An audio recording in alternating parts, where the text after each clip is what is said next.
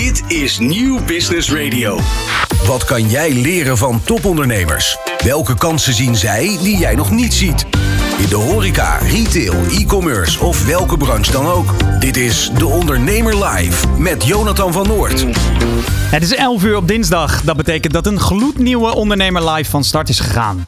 Wat kun je de komende twee uur verwachten? Niels Meijsen is de gast en hij heeft nieuws omtrent zijn eerlijke boekingsplatform Moonback. Wat gaat er gebeuren? Je ziet en hoort het straks. Daarnaast gaan we pitchen. In één minuut vertelt een ondernemer waar hij een investering voor nodig heeft. En daarnaast praten we nog over verzuim en over logistiek. Kortom, de uitzending is weer bommetje vol. Vandaag in De Ondernemer Live. Wat kan jij leren van topondernemers? Welke kansen zien zij die jij nog niet ziet? In de horeca, retail, e-commerce of welke branche dan ook. Elke ondernemer kent dezelfde uitdagingen. In De Ondernemer Live hoor je echte ondernemersverhalen. Elke dinsdag tussen 11 en 1 schuiven topondernemers en experts aan bij Jonathan van Noord op Nieuw Business Radio. Live meekijken kan via deondernemer.nl. Afgelopen donderdag vond de allereerste uitreiking plaats van de Nationale Ondernemersprijs. Een samenwerking tussen de ondernemer en de regionale titels van het AD. Vanuit meer dan 100 bedrijven werd een selectie gemaakt, waarna in de jaarbeurs te Utrecht twee bedrijven aan de haal gingen met de prijzen. De hoofdprijs was voor het innovatieve LEDEX, een bedrijf dat dakbedekking maakt uit afval. Maar daarover later meer. De Pionier, een aanmoedigingsprijs voor start-ups die het net even anders doen, ging naar Carbion. En in de uitzending is Marco Arts, COO bij Carbion. Welkom Marco. Goedemorgen, dank voor de uitnodiging. Ja, graag gedaan. We zijn een, eh, een paar dagen later. Hoe is het inmiddels bij jullie eh, in het bedrijf ingehaald dat jullie gewoon de pionieren hebben gewonnen? Ja, we, we zijn nu inmiddels van het zuurstof af. nee, de, hartstikke goed ontvangen. Het was voor ons echt een hele grote verrassing. Uh, ik denk ook dat dat uh, ingegeven is door de organisatie van de prijs. Wij hebben ons nergens voor opgegeven. Het is echt een juryprijs en wij zijn door een aantal mensen die ons uh, ja, voor, voor, zijn gegaan in het ondernemingsvak eruit gepikt en hebben deze mooie prijs gewonnen. Het was een complete verrassing en dat is hartstikke leuk. En, Jullie, de, de mooie trofee die hangt inmiddels aan onze celebration wall. We Kijk. hebben een hele mooie muur in ons kantoor waar we allerhande trofeeën en dat soort zaken bij staan. Dus helemaal super. Mooi dat er ook maar veel mogen volgen. Voor de kijkers en luisteraars die denken, hè, Carbion, wat, wat doet dat bedrijf? Leg eens uit. Ja, ik zal het heel kort proberen uit te leggen. Wat, we, wat wij feitelijk doen is dat wij uh, CO2 uit de buitenlucht uh, filteren. Je zou het kunnen vergelijken, dat doen we wel eens met een grote stofzuiger. Dan ontwikkelen wij, die ontwikkelen wij, daar gaat omgevingslucht in en wij filteren de CO2 daaruit. En het interessante daarvan is dat je met die, die CO2 eigenlijk twee dingen kunt doen. Je kunt die permanent opslaan, dat kan ondergronds, maar dat kan ook in bijvoorbeeld bouwmaterialen. Dat is een hele interessante toepassing. En daarmee verlagen we stelselmatig de CO2-concentratie in de atmosfeer, die ja, een van de redenen is waarom we met klimaatproblematiek te maken hebben. En aan de andere kant is die CO2 is ook een hele belangrijke bouwsteen voor onze economie. Dus vaak in samen, samen met waterstof kun je daar allerhande interessante en bruikbare grondstoffen van, van maken. Uh, op een duurzame manier. Want uh, Marco, voor mij uh, als, als leek op het gebied van, van CO2 lijkt me dat vooral een afvalstof. Hè? De, de, we pompen er veel te veel van in de atmosfeer. Ja. Hoe kan CO2 dan toch een bouwstof zijn? Ja, nou kijk, feitelijk wat je. Hè, we, hebben, we hebben het altijd als soort van bouwstof gebruikt. Hè, dus we hebben eigenlijk de CO2 die nu in, te veel in de atmosfeer zit, hebben wij uit de ja, bodem van de aarde gehaald in de vorm van olie, gas en kolen. Daar hebben wij energie van gemaakt. Dat is natuurlijk een bouwstof. Maar daar hebben we ook materialen worden daar nog steeds van gemaakt. Van residuen van die fossiele producten. En eigenlijk kun je dus die CO2 die we eerst uit de grond halen, die kun je eigenlijk ook weer terug uit de lucht halen. Eigenlijk, ja, daarmee lossen we ook aan de andere kant het klimaatprobleem, hopen we daarmee op te lossen. En de, de pionier, dat is echt een, een, een aanmoedigingsprijs hè, voor bedrijven die het net even, even anders doen. Hoe lang zijn jullie nu eigenlijk al bezig onder de naam Carbion? Uh, wij zijn nu in totaal vier jaar bezig. Uh, dat, is echt, uh, dat is echt het prille begin. We zijn een spin-off van TNO, dus eigenlijk onze basistechnologie die, die is bij TNO ontwikkeld voor een hele andere toepassing. En dat is eigenlijk ook een vergelijkbare technologie die veel in de halfgeleiderindustrie gebruikt wordt. Vandaar ook dat wij in de Brainport-regio zitten, waar veel bedrijven zitten die daar veel kennis van hebben. Dat is in wij gebruiken die technologie nu voor een hele andere doelstelling. Is dat in Eindhoven, Marco? Dat is in Eindhoven, ja, ja zeker. zeker weten. Ja, ja. En uh, er waren lovende woorden in het, uh, in het juryrapport. Ja. waarom denk je dat, dat jullie gewonnen hebben? Nou, ik, ik, denk, ik denk uh, een aantal redenen. Uh, nou, een, een, hele belangrijke reden is uiteraard uh, hè, de maatschappelijk relevante doelstelling die we nastreven. Een oplossing uh, bieden voor het klimaatprobleem.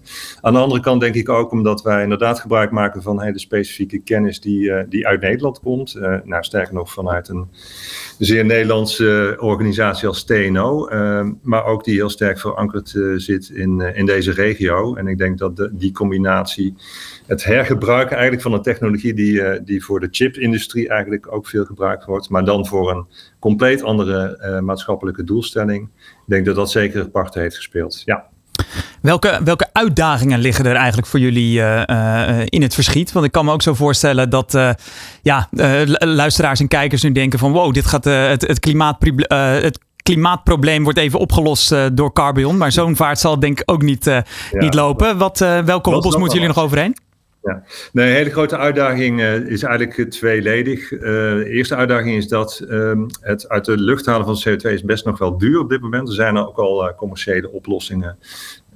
die zijn er in de wereld. dat is eigenlijk nog veel te duur, dus die kosten die moeten ver omlaag. En daar hebben wij een technologie voor waarmee wij denken dat we wat kunnen.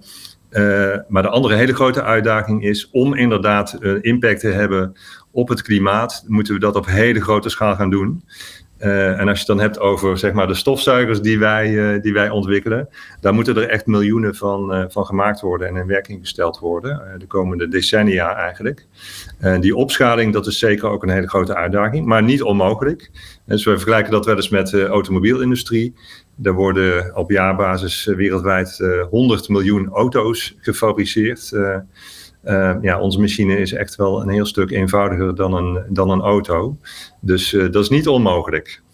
En um, wat ik me ook nog wel afvroeg, wie, zijn jullie klanten? Is dat uh, een overheid of zijn dat toch bedrijven die naast hun schoorsteen dan een, een stofzuiger van Carbion willen hebben? Uh, ja, is de beide. Nou, het hoeft niet naast de schoorsteen te staan, want wij hadden het uit omgevingslucht. Dus dat kan eigenlijk overal. Er zijn bedrijven die zich richten op uh, de opslag van, van CO2. en eigenlijk daar ook soort van credits voor verkopen. Um, maar er zijn ook bedrijven, grondstoffen, bouwbedrijven bijvoorbeeld. Hè. Je kunt CO2 ook gebruiken en injecteren zelfs in, in beton. Daarmee wordt het beton sterker. En uh, kun je eigenlijk ook CO2-neutraal, of als je het heel goed doet, zelfs CO2-negatief gaan, uh, gaan bouwen. Dat is erg interessant. Maar bijvoorbeeld ook het uh, maken van ehm, hernieuwbare brandstoffen, eh, bijvoorbeeld voor de luchtvaartindustrie. Uh, is zeker ook een uh, sector. En dan hebben we zeker nog, dat is dan een beetje het Nederlandse paradepaardje, de glas- en tuinbouw. Daar uh, is op dit moment, je zult het bijna niet geloven, een tekort aan CO2. Dat heeft ermee te maken dat CO2 ja, is een voedingsstof voor planten. En in kassen moet dat niveau van CO2 telkens aangevuld worden. En dat gebeurt nu met ja, fossiele CO2, zeg maar. En wij willen dat graag gaan vervangen door CO2 die gewoon uit de lucht halen. En in hoeverre dus zijn jullie... Onwijs veel toepassingsmogelijkheden, ja. Zeker, zeker. En in hoeverre zijn jullie afhankelijk van, uh, van de wil van de politiek, ook met het oog op de verkiezingen in, uh, in november? Ja, daar, daar, zijn we uiteraard wel uh, voor een deel afhankelijk van. Maar aan de andere kant zien we ook dat er gewoon echt een markt is voor uh, CO2 uit lucht. Dus in die zin maken we ons daar niet zo zorgen over. En we kijken daar wel degelijk ook veel breder dan alleen Nederland. Hè, want het is een, gewoon een wereldwijde markt. Hè, dus de CO2 zit overal in de wereld in de lucht in een vergelijkbare concentratie. En je ziet daar dat een, een aantal landen daar ja, toch al veel sterker op inzetten. Bijvoorbeeld in de VS zijn eh, zet de regering, eh, de Biden-regering zet heel sterk in op eh, het afvangen van CO2 uit de lucht. En we zien diezelfde beweging ook, ook in de EU ontstaan. Dus ja, hè, dat, heeft, dat heeft even tijd nodig voordat de politiek ook zover is en dat daarop beleid gemaakt is. Maar dat gaat steeds meer wel de kant op dat we daarin ook echt ondersteuning in vinden. Zeker. En in het verlengde hiervan, wat kunnen we tot slot nog van jullie verwachten? Nou, wij gaan, wij gaan volgend jaar gaan wij met de eerste klanten aan de slag om op, op grote schaal CO2 af te vangen en die hetzij op te slaan in bouwmaterialen of onder de grond. Maar ook om daar interessante nieuwe producten van te maken op een duurzame manier. Dankjewel, Marco Arts, COO bij Carbion. Elke dinsdag een andere inspirerende ondernemer te gast tijdens De Ondernemer Live. Van 11 tot 1 live op Nieuw Business Radio. In 2020 schreef Niels Meijsen op LinkedIn de frustratie van hem af toen hij las dat Booking.com coronasteun aanvroeg. Waarom heeft een bedrijf dat vorig jaar nog 5 miljard winst maakte 65 miljoen euro staatssteun van de belastingbetaler nodig? Zijn post kreeg bijval en bij 1000 likes overwoog hij een crowdfunding te starten voor een alternatief boekingsplatform zonder knipperende kermisknoppen en met een eerlijk verdienmodel voor hotels. Zijn bericht is uiteindelijk door ruim 2,5 miljoen mensen bekeken. Inmiddels zijn we op de kop af drie jaar later en is het mogelijk om via zijn Moonbag te reizen naar tientallen steden in Europa. Zonder afleiding en zonder gemanipuleerde zoekresultaten. Hoog tijd dus om bij te praten met Niels over de groei van zijn platform en welke kansen er nog liggen. Waar het niet dat hij zelf nieuws heeft. Niels, welkom. Hey. Het, uh, het nieuws houden we nog heel even, heel even, geheim. Maar we zijn uh, drie jaar na je, na je LinkedIn-post. Uh, Hoe vaak word jij nog, nog aangesproken op dat bericht? Ja, nog heel erg vaak. Er wordt zelfs nog af en toe op geliked. Als mensen dan ehm, op mijn LinkedIn-profiel komen. Dus um, nee, grappig dat dat toch zoveel los heeft gemaakt. En um, ja, voor ons ja, waar heel veel bedrijven een soort van heel moeilijk hadden met corona, was het ons bestaansrecht bijna. Dus ja, een hele bijzondere tijd geweest. Ja. En waarom denk je dat het, uh, ja, mensen waren ook echt gewoon boos op, uh, op Booking. Waar, waar, waar, waar komt die emotie vandaan, denk je?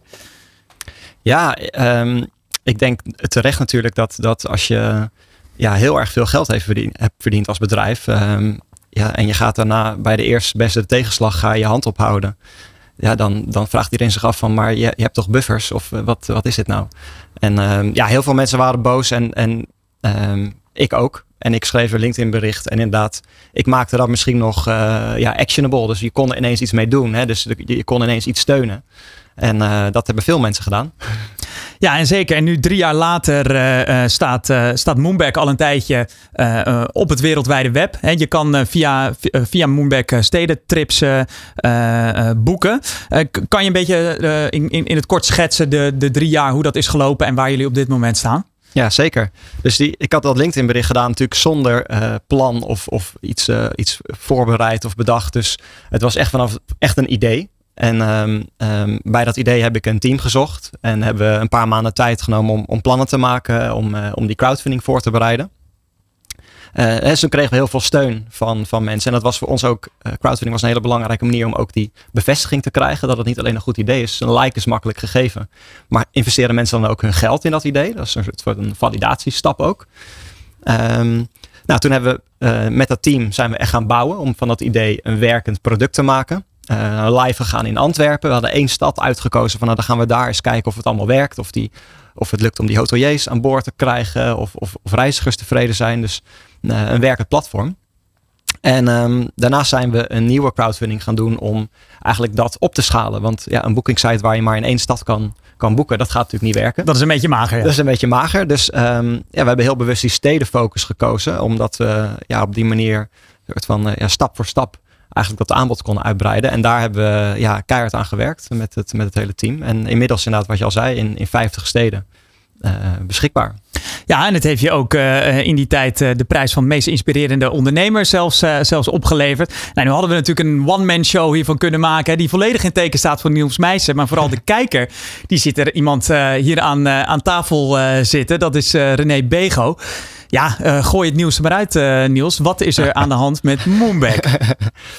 ja, Moonback gaat fuseren met Time to Momo. En we gaan ook vanaf, uh, vanaf vandaag door onder de naam van Time to Momo. Kijk eens aan, jongens. De eerste primeur van het seizoen. En dat in de tweede aflevering al. Ja, hier, dus de studio wordt, uh, wordt helemaal wild. Ja. René, jij bent uh, de, de baas, de oprichter van Time to Momo. Zeker. kan je eens even uitleggen hoe jij in dit hele verhaal beland bent? Nou ja, ik ben in het verhaal beland doordat Niels en ik al een tijdje contact hadden. Wij zitten letterlijk tegenover elkaar met onze bedrijven. Daar zit een brug tussen, die, een mooie houten gele brug, die we af en toe oversteken, kopje koffie drinken. Wij zijn drie jaar geleden hebben we ook uh, ons online platform, dat uh, Time to Momo heet, hebben we ook um, uh, verder opgericht en verder uitgebouwd. En um, nou, zodoende zit je eigenlijk in diezelfde branche mee bezig. Dus probeer waar het kan eens wat informatie uit te wisselen. Dus de lage contacten. En uh, nou, op een gegeven moment hebben wij na een jaar of drie pionieren ook zoeken hoe gaan we dit doen. Ik denk net zoals de mensen bij Moonback. Uh, bedacht van, goh, dit is wel echt een enorme strijd in een hele competitieve markt. Um, want, want René, ik ga, ik ga je heel ja, even onderbreken. Ja. Want hier liggen ook een aantal boekjes Ja, voor de uh, mensen thuis die denken: het Time to Momo, waar ken ik dat ook alweer van? Nou, dat zijn reisgidsen, stedengidsen. Uh, we zijn marktleider in Nederland en België voor dit soort boeken. En ja, die worden nog steeds heel veel verkocht. Hè, want die vraag krijg ik ook van me. Niemand die gaat natuurlijk nog een boekje kopen. Waarom zou ik dat doen? Nou, dat klopt dus helemaal niet. Mensen kopen massaal nog die boeken, gelukkig. En uh, wat ik zei, we zijn marktleider. Dus een aantal jaren geleden al zijn we gaan nadenken over van... goh, iemand die een boekje naar uh, Parijs koopt... die doet waarschijnlijk nog meer transacties dan alleen dit boekje kopen. Waarschijnlijk gaat hij ook naar Parijs. Nou, ga maar bedenken wat je allemaal nog meer kan doen. Hè, kunnen wij onze, onze lezers, onze klanten nog verder helpen? Vandaar dat we dat platform gestart zijn, timetomomo.com. En zijn gaan ontwikkelen en gaan kijken van hoe kunnen we dit in de vaart der volkeren omhoog stoten. En Want- daar zijn we jaren mee bezig geweest. Want o- Ja. om het even dan te schetsen, jullie Ja. hebben eigenlijk de lijst, de kaart met de interessante adresjes. Waar Ja. kan je eten, waar kan je leuk stappen? Welke bezienswaardigheden zijn er bijvoorbeeld in Parijs? Ik zie hier Londen liggen, Hamburg, eh, tal van eh. Europese steden. We hebben de 50 50 grootste steden van Europa waar mensen een stedentrip gaan maken. Die Precies, daar hebben jullie hebben alle informatie. En Niels, jouw platform heeft alle hotels. En dan wel dus op een, eh, ja, eh, een ethische manier kan, je die, eh, kan je die boeken. En jullie Ja. dachten dus, terwijl jullie samen eh is een, eh, een, een drankje deden in het Rotterdamse, van dat kan samenkomen. Wij, dachten Time to Momo heeft, heeft de merknaam. Hè, heeft die, die, die, ehm, die zijn in alle boekhandels te vinden. Die hebben ook heel veel traffic al op de site. Ja. En wij hebben een technisch eh, heel goed werkend platform. We hebben ook die overlap qua focus op steden. En bij ons is nu de grote uitdaging om ehm, ja, ook die, die, die aantallen omhoog te krijgen van bezoekers, van boekingen.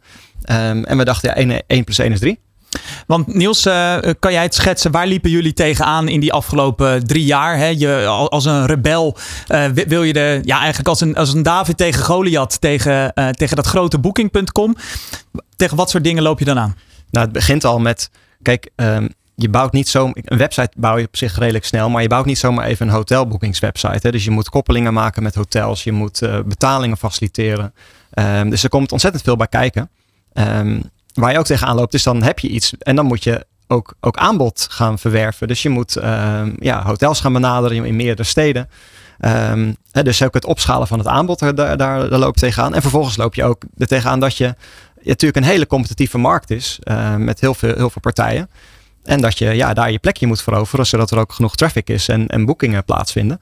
En, en zo'n platform, ja, dat is echt zo'n kip-ei probleem. Hè? Want ja, hoe, hoe meer eh, bezoekers je hebt, hoe meer hotels willen meedoen en andersom. En dat, ja, dat, is, dat is echt wel een, eh, een complex spel. En eh, we denken dat deze fusie hier echt een, een, ja, ons echt een stap in de, We, we richting denken als we, dat we samen meer kans hebben dan ieder voor zich. Dat was eigenlijk de conclusie die we trokken na die paar kopjes koffies en biertjes hier en daar. Dat, dat van, goh. Want wa- wat is eh, even tussen aanhalingstekens het probleem waar jij tegenaan eh, liep dan, eh, René? Nou, ons probleem was eigenlijk tegengesteld aan dat van Niels. Dus dat was ook de, de mooie, de mooie match die er was. Dus dat wij een technisch platform vonden wij ongelooflijk ingewikkeld. Wat Niels net schetst, hoe complex het is om dat te maken. Moonback werkt met eigen developers. Ehm, dus wij zijn heel goed in content. We zijn ook goed in, in SEO, in blogs. Hè. Onze, onze auteurs, onze locals en al die steden, die bloggen zich helemaal suf. Dus dat trekt heel veel verkeer aan. Alleen we hadden heel veel moeite om dat verkeer ook naar, naar een stabiele hotelwebsite te leiden.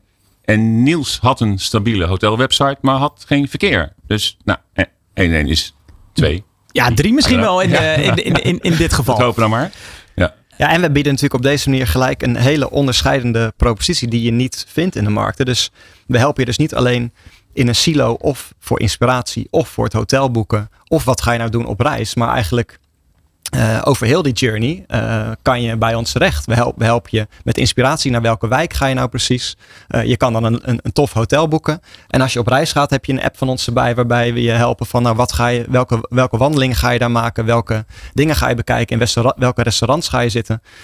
Dus ja, op die, hele complete journey kunnen wij nu onze reizigers helpen. En dat is, ehm, ja, denk ik, uniek. Ja, nou, daarover gesproken. Dit is relatief zo'n simpel idee. Heeft niemand dit eerder uh, verzonnen dan? Nee. Even meekijken. Nee, nou, ik zal je vertellen. Kijk, wat, wat het idee is, en dat, dat komt in de volgende release ook, uh, ook op de markt, uh, is dat we je gaan helpen om dat ideale hotel te vinden. Kijk, wij bedienen natuurlijk een doelgroep, hè, en die is heel groot. Mensen die een stedentrip maken, nemen vaak weinig tijd daarvoor, willen in drie dagen alles zien, maar bereiden zich nauwelijks meer voor. Hè. Dus hoe kan je nou heel panklaar die content aanbieden? Van wat ga ik nou doen? Dat begint ook bij je hotel. In welke wijk ga ik eigenlijk zitten? Wat ga, weet je, hoe ga ik dat nou doen? Hoe ga ik nou uit die lijst van 7000 hotels die sommige partijen aanbieden in Parijs, dat voor mij ideale hotelletje vinden? Nou, wij willen dat gaan doen door ook op een andere manier uit te vragen van wat is het idee nou eigenlijk? En te vragen aan je niet van wil je een drie sterren hotel of een receptie die 24 uur bemand is of dat soort onzin. Maar wie ben jij eigenlijk? En ben je wel eens in Parijs geweest? Oh, is de eerste keer. Oh, daar gaat een kind mee van vier jaar. Oh, je houdt van musea. Oh joh, maar dan moet je in dit wijkje gaan zitten. En dan hebben we hier tien superleuke hotels die echt oké zijn voor ieders budget.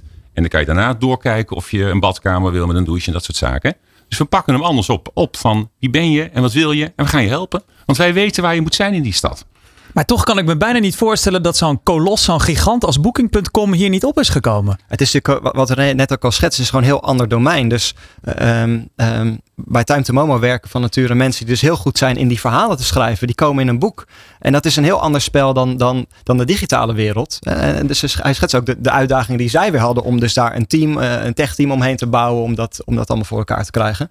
Uh, en, en wij precies ja, andersom. Dus die, die teams vullen elkaar ook ontzettend goed aan qua, qua uh, expertise en disciplines. Daar gaan we het straks uh, verder over hebben. Ik ben toch wel even benieuwd. De naam Moonback gaat eruit. Want jij ja. wordt de CEO dus van Time to Momo. Ja. Gaat toch je kindje eraan, Niels? Ja, ja. Pijn in het hart. Waarom is besloten om de naam Moonback eruit te doen? Voor mij was het een hele eenvoudige keuze. He, dus um, ja, deze boeken liggen, liggen in de winkel. Um, Time to Momo is marktleider veel meer mensen kennen deze naam Time to Momo. Dus voor mij was het eigenlijk een eenvoudige keus om, om, um, om voor die naam te gaan. En natuurlijk, dat doet wel pijn. Je hebt natuurlijk ook gewerkt aan het opbouwen van Moonback. In het team waar, was ik ook natuurlijk wel uh, teleurstelling van dat die naam dan verdwijnt. Um, maar tegelijkertijd staat er nu een hele toffe nieuwe branding, uh, een nieuwe site in die, in die, nieuwe, in die uh, nieuwe Time to Momo stijl. Dus wij hebben dat ook gelijk met ons team helemaal onder handen genomen. Dus de, um, een nieuw logo, een nieuw, nieuw brandboek met, met visuele identiteit. Dus dat is, uh, ja, het ziet er denk ik heel tof uit. Want ook voor de kijker en luisteraar die gelijk op idee is gebracht uh, met een weekend Parijs. De website is dus nu ook timetomomo.nl. .com. .com zelfs. Ja. Kijk eens, kijk eens. Timetomomo.com. Ja, en als je naar moonback.com gaat, dan kom je automatisch op de, op de nieuwe site. Ja. Niels, dan ben ik toch benieuwd naar, het, naar het verdienmodel. In hoeverre was dit een noodzakelijke uh, fusie? Want uh, zo, zo, moet ik het noemen. Hè? Het is een, een fusie tussen twee, tussen twee bedrijven. Ja, voor, voor ons was dit ook wel echt een noodzakelijke stap vooruit. Dus we, we, we zijn ook in, in, in juni ook heel eerlijk over geweest naar onze achterban. Dat ja, de, de, we blijven gewoon achter bij de prognoses die we eerder hebben gemaakt tijdens die, die crowdfunding ronde in 22.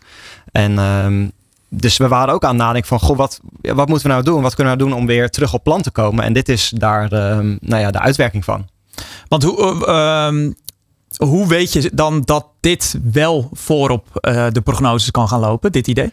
Ja, je hebt natuurlijk nooit zekerheid. Hè? Mm -hmm. Dus, dat, dus um, kijk, ik denk dat we, dat we een hele goede kans maken. In ieder geval, we vergroten onze kansen. De samen, ik ben echt van overtuigd dat samen de kansen op succes veel groter zijn dan als we het allebei apart hadden gedaan.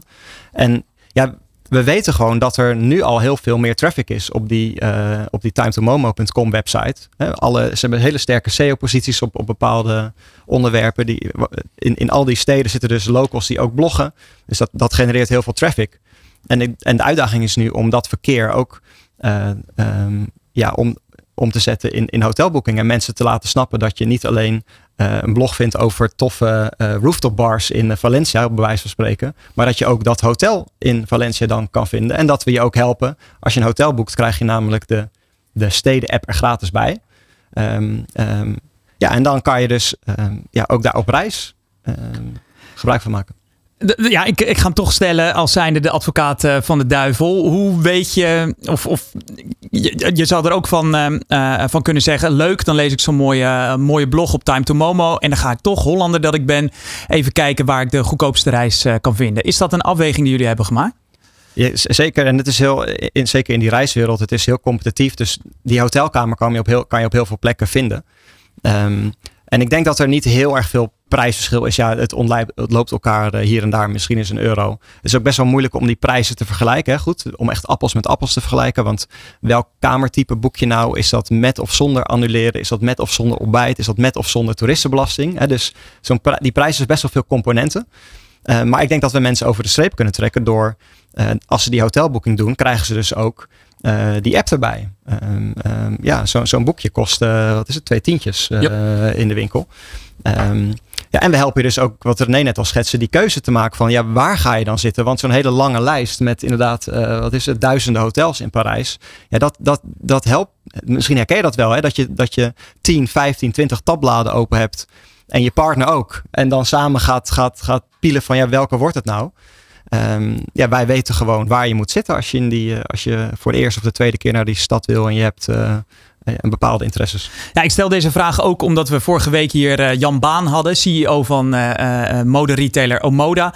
En die was er eigenlijk best wel stellig in. Dat hij zei van de mensen die eigenlijk op prijs onze winkel binnenkomen, dat is toch mijn klant eigenlijk niet. En juist wij willen in de winkel, wat bij jullie dan denk ik Time to Momo natuurlijk is, daar willen we vooral inspireren. En de mensen die zich daardoor aangesproken voelen, die kopen het toch wel. Is dat ook wel een, eh, een, een uh, tekst waar jullie je in kunnen vinden? Ja, ik denk dus, dus op de eerste plaats dat wij helemaal niet, zo, niet, niet per se duurder zijn.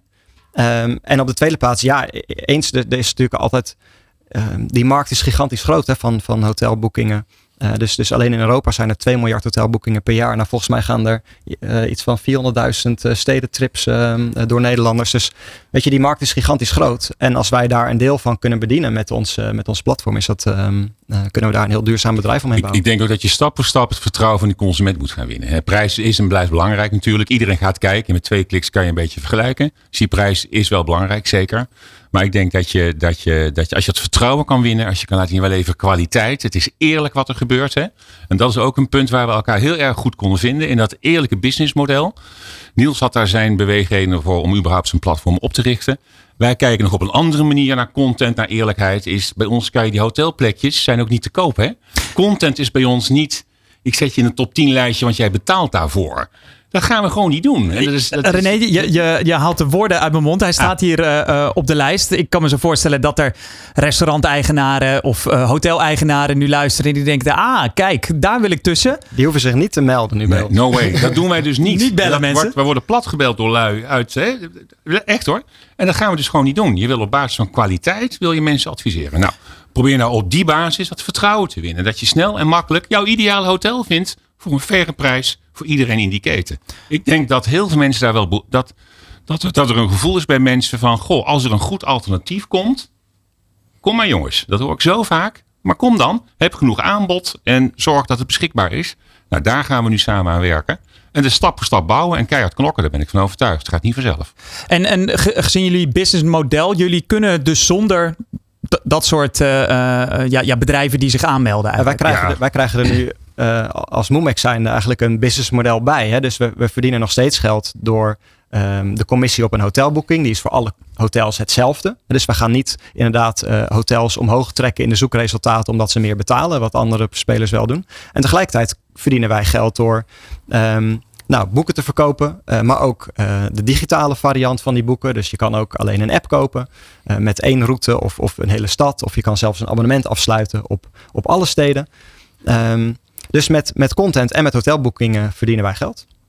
Jullie zitten nu in pak een beetje 50 steden, vooral in, in Europa. Is, het, is de markt daarmee af? Hebben jullie nog ambitie groeien? Hoe moet ik dat zien? Nou, eh, vanuit, vanuit de stedengidsen eh, bedacht uh, bieden, dekken we zo'n 80% van de markt af. Van mensen die een stedentrip maken. Um, dus dat is eigenlijk voldoende. Af en toe komt er nog een stad bij. Dus ja, we dekken de Europese markt heel goed af. En um, Mensen vragen wel eens van, goh, heb je geen uh, stedengids voor uh, Buenos Aires of zo? Maar dat, mensen gaan niet een weekendje naar Buenos Aires. New York wel, vijf dagen. Um, maar dus nee, we hebben eigenlijk alle grote bestemmingen die we willen, die hebben we gewoon. En onze ambitie is ook nu, op het online domein, om eerst daar eens positie te verwerven. Veel interessanter dan nu meer steden te willen hebben. Daar gaat het eigenlijk nu niet om. Pak die topsteden en zorg dat je daar conversie draait. En hoe ga je dat doen, Niels? Ja, met dit, met dit nieuwe verhaal. Ehm, we zijn echt natuurlijk ontzettend benieuwd hoe dit, hoe dit gaat vallen in de markt. Um, we hebben, gaan ook om, om nou, mensen in ieder geval ook die, die prijsdrempel voor die er wellicht is weg te nemen, hebben we nu ook een cashback actie. Dus als je naar timetomoment.com slash cashback gaat, dan lees je alles over en geef je 10% van je hotelboeking krijg je, krijg je weer terug als je daar op bezoek bent. Uh, dus um, ja, we hopen dat heel veel mensen ons nu de kans geven, ons gaan ontdekken. En uh, ja, vanaf daar verder bouwen. En het zal vast ook geen toeval zijn dat het zo vlak voor het boeken van de uh, mogelijke herfstvakantie dat jullie met dit nieuws naar buiten komen. Dit is, dit is een hele belangrijke periode voor ons. Hè. Dus veel mensen komen terug van een zomervakantie en gaan nadenken over wat ga ik in het najaar doen. En uh, dat was ook waarom wij ehm, nou, keihard hebben gewerkt, ook de zomer, de afgelopen vier maanden, om, om nu live te gaan. Om ook ja, dat momentum hopelijk te kunnen, kunnen gebruiken. Ja. Ja, straks gaan we het uh, verder hebben met uh, Niels Meijsen en René Bega over hun nieuwe platform Time to Momo. En vooral ook welke lessen zij hebben geleerd van zo'n fusie. Want dat gaat niet over één nacht ijs. De pitch. Ben jij degene met een briljant idee en ben je op zoek naar funding of een investeerder? Dit is De Ondernemer Pitch. Maak jouw plan wereldkundig binnen één minuut. Wil jij groeien als ondernemer? Dan heb je daar geld voor nodig. En waar banken niet meer staan te springen om een klein krediet te verstrekken, zoeken ondernemers naar alternatieve manieren. Precies daarom starten we dit seizoen met een nieuwe rubriek, de pitch. Hierin kunnen ondernemers met een hemelbestormend idee, maar met lege zakken, hun plan pitchen. En wie weet hengel jij die funding of financier binnen. Er is alleen één regel, de pitch duurt één minuut. Bij ons is aangeschoven Nick Joosten. En hij heeft een bijzonder smaakvol plan. Nick, in één minuut, the floor is yours. De pitch. Ben jij degene met een briljant idee en ben je op zoek naar funding of een investeerder? Dit is De Ondernemer Pitch. Maak jouw plan wereldkundig binnen één minuut. Salati is een revolutionaire, smaakvolle non-alcoholische spirit die een wereld van verschil maakt. Het merk is geïnspireerd door het geuren van het machtige Kriegerpark in Zuid-Afrika. Met Salati proef je zonder alcohol en zonder suiker de unieke bloemen, fruit en kruiden van Zuid-Afrika. Marula, rooibos, wilde tijm, hibiscus en bospeper. Puur natuur. De drie smaken Summer, Sunset en Savannah zijn samengesteld door Nederlands bekendste smaakspecialist Tess. Ook werken we nauw samen met de rangers van het Krugerpark en het behoud van bedreigde diersoorten. Je investeert dus niet alleen in een prachtig en smaakvol product, je ondersteunt ook natuurbescherming. Na Nederland lanceren we Salati binnenkort in Engeland, Egypte en China en vroeg in 2024 in Canada en Amerika. Alle investeringen worden gebruikt voor de productie van onze flessen en binnenkort onze ready-to-drink cocktails op blik. Dus ik zou zeggen, taste the free spirit of Africa. Investeer in Salati. Ja, keurig binnen de tijd. Nick, wat een, wat een pitch. Uh, ja, voor de, voor de kijker en, uh, en luisteraar die denkt... Daar hoor ik een klein accentje, een Zuid-Afrikaanse spirit. Ik neem aan dat ik hier met een Zuid-Afrikaan zit. Ja, ik uh, woon al 30 jaar in Nederland, maar ik ben wel geboren Zuid-Afrikaan. Ja, en dat krijg je er dan uh, niet meer uit, hè? zowel in accent als in, uh, in levenshouding, denk ik. Nee, in, in Zuid-Afrika zeggen mijn vrienden, wat praat je raar? In, in Nederland zeggen ze tegen mij, kom je uit Polen of uit Hongarije? Dus ja, ik heb een identiteitscrisis. ja, maar wat je, wat je ook vooral hebt is een, is een strak plan. En namelijk Celatti, een alcoholvrije spirit. Um, die je ja, in cocktails kan verwerken, maar ook puur kan drinken. Wat, wat, wat houdt Salati precies in? Salati is, uh, we hebben eigenlijk weg, uh, wegbewogen van de typische vervanger van alcohol. Dus we zijn geen non-alcoholische gin of non-alcoholische rum. We hebben een drie smaaksegmenten producten ontwikkeld. Waarmee je of een mixdrink of een cocktail kan maken. En eigenlijk binnen één seconde kan ik je ook nog laten zien. En, en waar moeten we uh, Salati een beetje mee vergelijken? Het is niet te vergelijken. Het is niet te vergelijken. Uh, nee, het is niet te vergelijken. Nee. Het is een non-alcoholische smaakproduct die je kan gebruiken om echt super lekkere cocktails en mixed drinks te maken. Dus nee, je kan het niet vergelijken. Wat je wel kan doen, is om de geuren van salati te proberen plaatsen. Maar dan moet je wel in de Krugerpark zijn geweest. Want we hebben de smaken echt ontwikkeld rondom de geuren, kleuren en smaken van het Krugerpark. En het Krugerpark, dat is een van de grootste parken, uh, wildlife reserves in, uh, in Afrika. Hè? Ja, het is uh, in totaal 2 miljoen hectare. En het, om, het maakt deel uit van de zogenaamde Transfrontier Parks. En dat zit ook in Mozambique, Botswana, Zimbabwe. Dus een, een, machtige, echt een machtige ervaring om, om daarheen te gaan. Hoe onderscheidend is dit idee? Um, volgens mij zijn we nog volledig onderscheidend. In de zin dat je kan onze smaken niet plaatsen. Er zijn gewoon echt unieke smaken. En ten tweede zijn we volledig onderscheidend op het gebied van duurzaamheid. Um, door onze connectie met de Game Rangers van het Krugerpark, waar we één op één aan zijn verbonden, werken we eigenlijk iedere week met uh, de Rangers in het creëren van projecten en het identificeren van plannen waarmee wij op dit moment bijvoorbeeld het, uh, stropen van, uh, van neushoorns tegengaan. Want hoe moet men die, uh, die samenwerking voor me zien? welk deel van de, de aankoop van een, van een fles salati zorgt ervoor dat, dat het stropen van neushoorns tegengegaan wordt? Wij zijn daarin ook heel transparant. We doen 50 eurocent per fles. Um, die gaat naar een stichting waarin we projecten ontwikkelen met het Krugerpark. En op hoeveel flessen zit jij uh, jaarlijks? Om een, om een beeld te schetsen? Ja, ik zit in een pitch, dus ik moet ook vooruitkijken. Ja. Uh, maar ik denk onze, onze ultieme doelstelling is om tussen nu en drie jaar ongeveer 400.000 flessen per jaar op de markt te brengen. Dus 50, 50 uh, eurocent, dus 200.000 euro, daar zit je dik aan de 4 miljoen Zuid-Afrikaanse rand. En dan ben je echt een uh, substantiële sponsor. Ja, want wat zou je even, even los van, uh, van de business daarmee kunnen bereiken voor, uh, voor, voor, het Zuid-Afrikaanse wild? Weet je, Zuid-Afrika zit een, een, een, oorlog op, op verschillende fronten voor wat betreft natuurbouw. je hebt eerst het, het stropen van wilde dieren. Um, en daar heb jij onder andere de neushoorn. Nou, iedereen kent het verhaal. Ongeveer 70% van onze bevolking is al, is al verwoest, is al vermoord. Um, we zitten nu met een andere crisis met uh, schubdier. In Engels heet het de pangolin.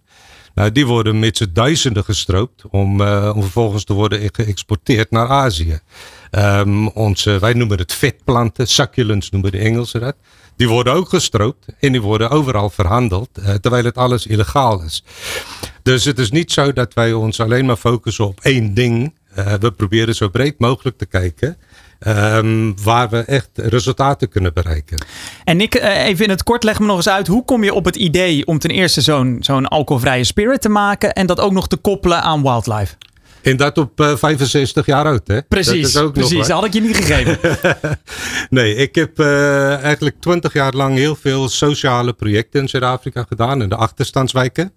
Um, bijvoorbeeld uh, leesvaardigheid met kinderen. Ik heb een, een hele groot project met voetbal gedaan tijdens het WK 2010. En uh, in 2021 kwam ik voor het eerst in het Krugerpark in Zuid-Afrika. Ik ben er nog nooit geweest. Um, en ik werd totaal overrompeld door de kleuren en geuren en smaken. Het is gewoon een bizarre plek. Het is echt bizar. En toen dacht ik, kan ik nou niet met mijn kennis deze smaken in een product samen, samenvatten.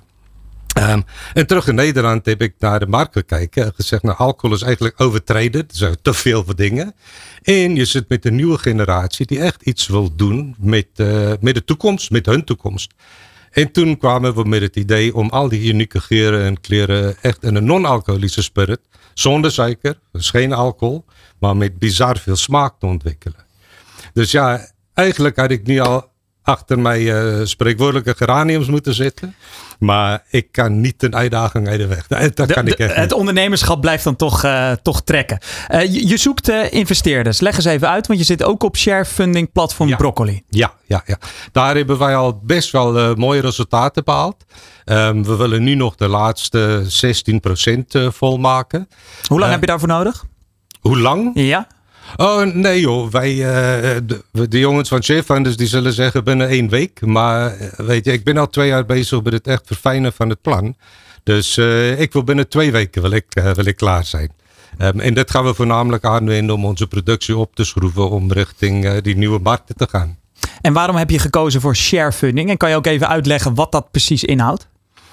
Iedere, iedere ondernemer heeft um, mensen of, uh, of, een, of een instantie nodig die, uh, die in ze gelooft.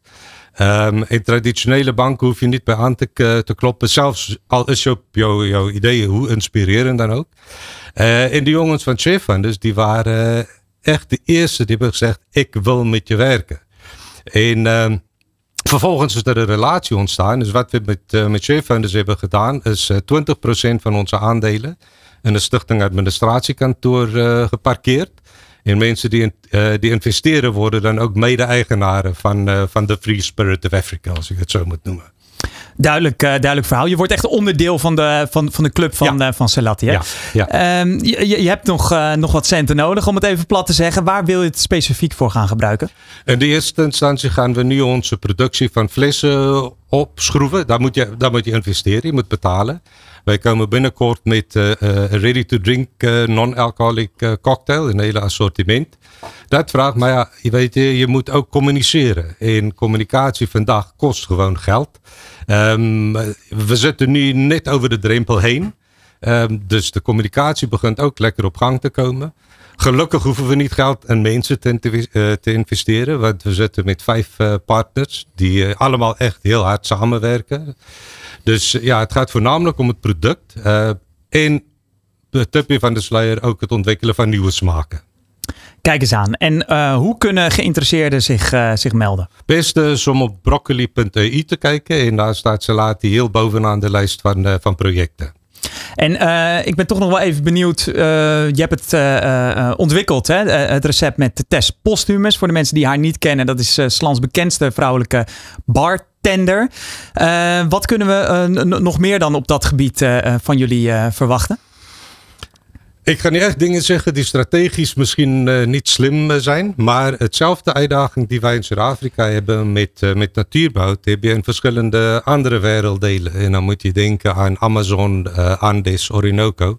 en allemaal ook regio's waar er fenomenale smaken zijn. Dus um, Tess is op dat gebied echt bizar goed. Um, en vind het ook heerlijk om uitdaging aan te gaan. Dus meer dan dat wil ik niet, uh, wil ik niet kwijt. Nou, dan vul ik hem wel in. Mogelijk komt er dus uh, een, een uh, Amazone smaak of, of de Orinoco. We gaan het zien. Investeren dan maar. Hè? Dan, ja. dan weet je zeker dat, dat die komt. Ben je enthousiast en wil je investeren in Salati? Kijk dan inderdaad op broccoli. wil je hier nou de volgende keer staan? Dan moet je even kijken op deondernemer.nl slash pitch en geef je op. Je luistert naar De Ondernemer Live. Elke dinsdag live van 11 tot 1 met Jonathan van Noord op Nieuw Business Radio. Wat komt er op je af als een medewerker langdurig ziek wordt? Hoe ga je daarmee om? En wat kost het? En ook niet onbelangrijk, hoe voorkom je verzuim?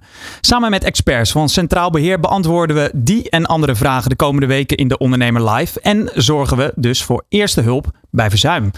Eerste in die reeks is Ralf van Dam, ondernemer en ook businesspartner ondernemerschap bij Centraal Beheer. En in die rol coacht en adviseert hij ondernemers, bijvoorbeeld over verzuim.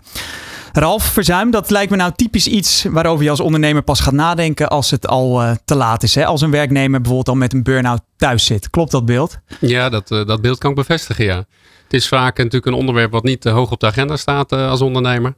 Um, zeker natuurlijk als je bedrijf aan het opbouwen bent. Hè, dan is er vaak een vibe van doorgaan en knallen en bouwen, zeg maar.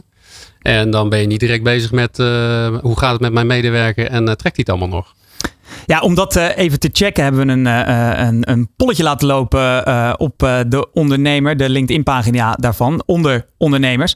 En daarvan zegt de helft wel eens te maken hebben gehad met langdurig verzuim. En een derde zegt daardoor te worden overvallen, of te zijn overvallen eigenlijk. Ik vond het best grote, grote aantallen. Dat een derde van de ondernemers eigenlijk, mijn woorden, geen idee had hoe die daarmee om moest gaan.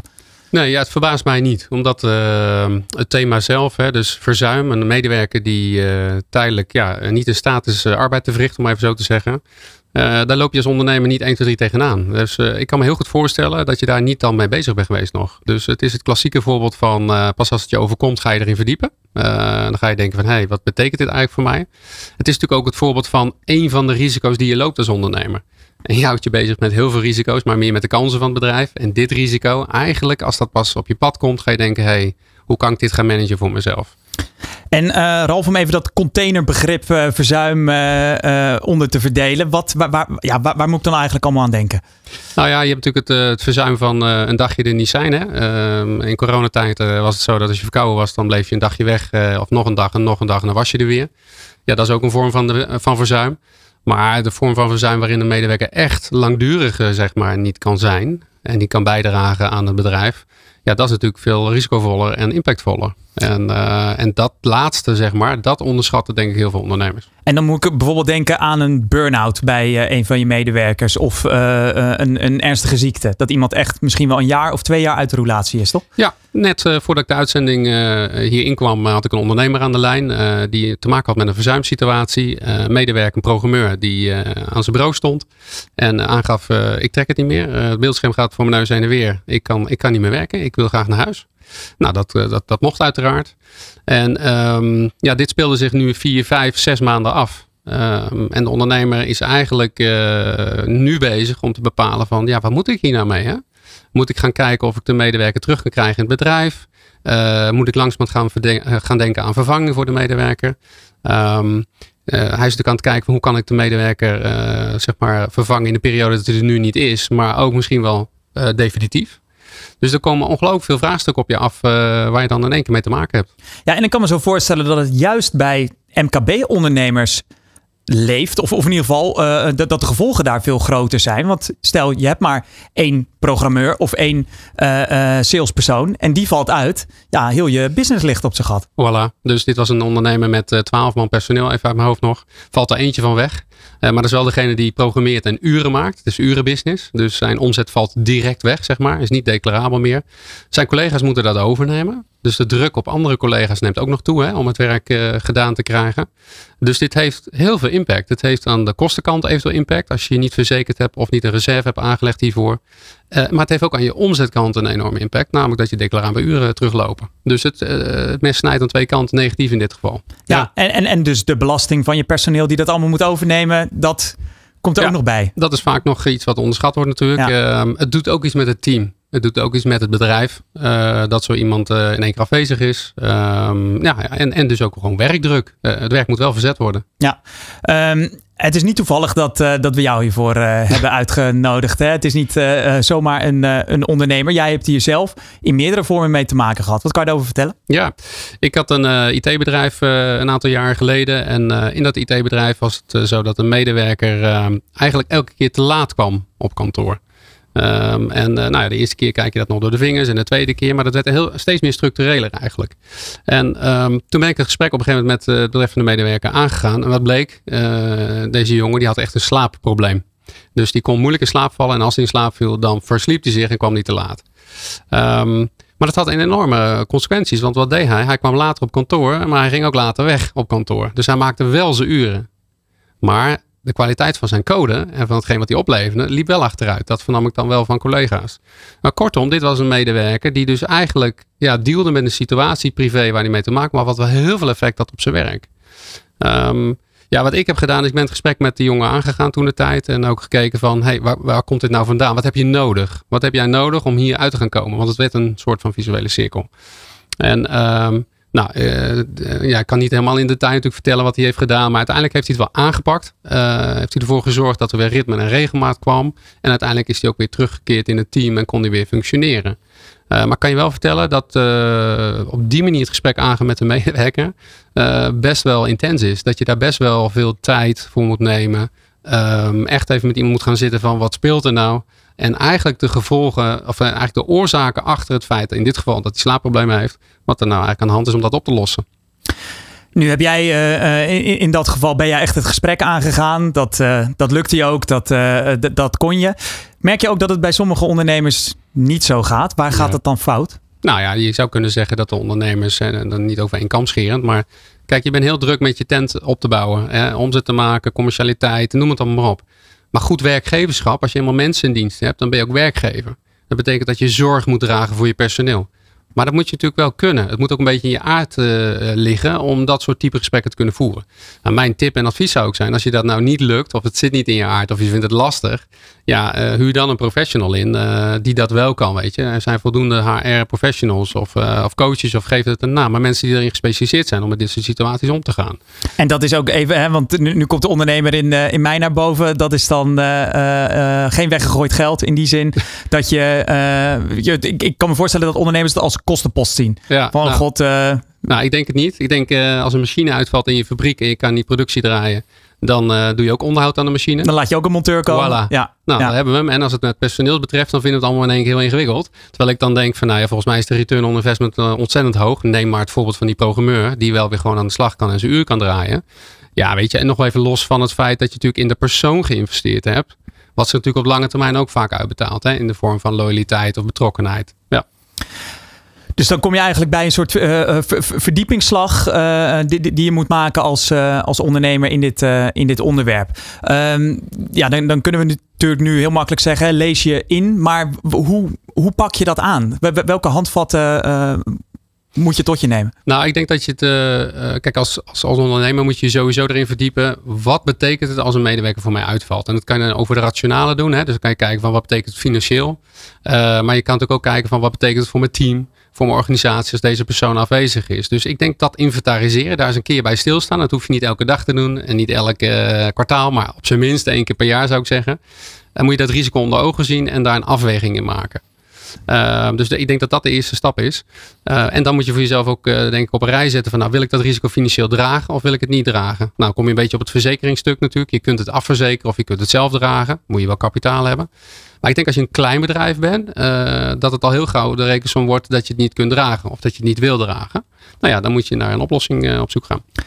Ik kan me ook zo voorstellen dat uh, ja, preventie altijd beter is dan, uh, dan genezen. Hoe, uh, hoe pak je dat aan als ondernemer? Ja, nou, het mooie was dat die ondernemer die ik aan de lijn had hiervoor, die zei eigenlijk wel van, wat ik, één ding wat ik geleerd heb, is dat ik veel meer de pijlstok tussentijds bij medewerkers erin moet steken. In de zin van ehm, het goede gesprek aangaan. en dan niet alleen hebben van hoe, hoe, gaat het met het werk en weet je, alle zakelijke issues. Je echt verdiepen in die ja, persoon. Ja, hoe, de, Louis Vergaal zou zeggen, het totale, totale mensprincipe. Ja, ja, voilà, ja, we zijn er.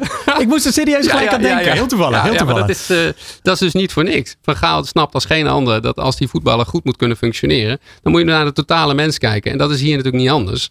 Ehm, maar dan kom ik terug op jouw vraag. Het is natuurlijk niet makkelijk altijd. En niet altijd iedereen staat ervoor open om het achterste van de tong te laten zien. Want jij hebt het druk, je personeel heeft het druk. En dan ga jij nou ook eens even vragen hoe het met vrouwen en kinderen is bijvoorbeeld. Exact, Dat- ja, ja. Ja. aan de andere kant denk ik, hè, eh, eh, daag jezelf uit om wel die vragen te stellen. Hè. Hoe gaat het nu met je?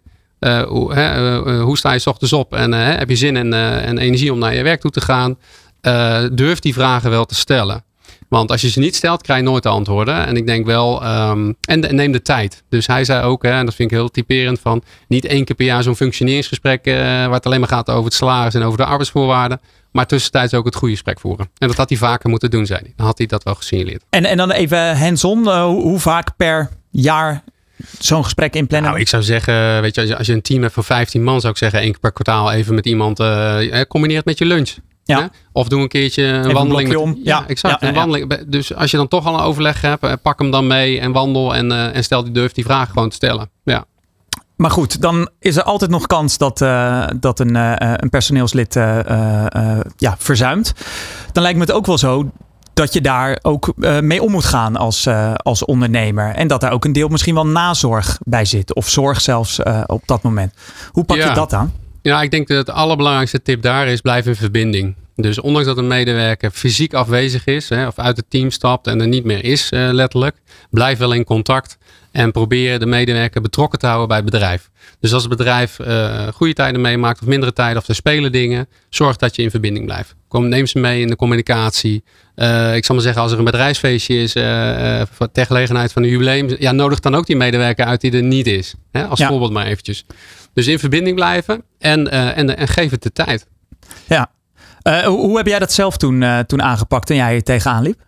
Nou, eigenlijk het voorbeeld wat ik net schets. Ik ben heel erg in contact gebleven met die, met die medewerker. Ehm, echt ook, ehm, in mijn geval was er ook wel een arbeidsdeskundige betrokken en een bureau die dat allemaal verzorgde. Maar ik bleef in de driehoek. Dus niet uitbesteden en loslaten. Maar eh, blijf een van de personen waar ook hij eh, contact mee houdt. Want tenslotte ben jij zijn werkgever. Wie Ja. ook eh, voor je inhuurt uiteindelijk om het proces te begeleiden. Hij werkt voor jou. Ja. In dit geval. Wat heb jij uiteindelijk nog gehoord van, van deze persoon toen die weer gelukkig up and running was? Nou, eigenlijk iets heel moois. Want je- ik los natuurlijk niet het probleem zozeer van ons als onderneming, als ondernemer op, maar ook voor hem als persoon natuurlijk. Ik bedoel, reken maar dat hij er zelf ook last van had. Privé, persoonlijk. En daar, in feite heb je hem daar natuurlijk ook mee geholpen. Dus in die zin, uh, ja, voor zijn leven en uh, daarna wat hij is gaan doen. Ik heb hem nu niet meer op het vizier. Heeft hij daar natuurlijk ook baan bij gehad. Ja. Duidelijk. Laten we even gaan, uh, gaan samenvatten. Dit zijn de top 3 tips van... Van Ralf van Dam over verzuim. Tip 1. Ja, verdiep je in verzuim. Hè? Reken uit wat het betekent als een medewerker wegvalt. En weeg af, wil ik dat risico zelf dragen of besteed ik het uit? Tip 2. Ja, zorg dat je aandacht hebt voor preventie. Hè? Aandacht voor de totale mens. In plaats van alleen de, de medewerker die een functie uitoefent. Dat voorkomt vaak al heel veel ellende. Tip 3. Als je het dan te maken hebt met, uh, met uitval, zorg dan dat je nazorg hebt. Zorg dat de medewerker betrokken blijft bij het bedrijf. Uh, dan is, die ook makkelijker, is het makkelijker om later te integreren weer. Duidelijk verhaal, uh, Ralf. Wil je nou meer weten over verzuim? Alle tips van Ralf van Dam, van Dam staan uitgebreid te lezen op deondernemer.nl. Leren van topondernemers. Kansen zien waar anderen overheen kijken. Dit is De Ondernemer Live. Ja, we vliegen door de tijd zoals je merkt. Dit was namelijk alweer het eerste uur van De Ondernemer Live. Zo dadelijk meer ondernemende gasten. We praten natuurlijk verder met Niels Meijsen en René Bego over Time to Momo. Maar we gaan het ook hebben over logistiek. Uh, dat alles in het tweede uur van De Ondernemer Live. Wat kan jij leren van topondernemers? Welke kansen zien zij die jij nog niet ziet? In de horeca, retail, e-commerce of welke branche dan ook. Elke ondernemer kent dezelfde uitdagingen. In De Ondernemer Live hoor je echte ondernemersverhalen. Elke dinsdag tussen 11 en 1 schuiven topondernemers en experts aan bij Jonathan van Noord op Nieuw Business Radio. Live meekijken kan via deondernemer.nl.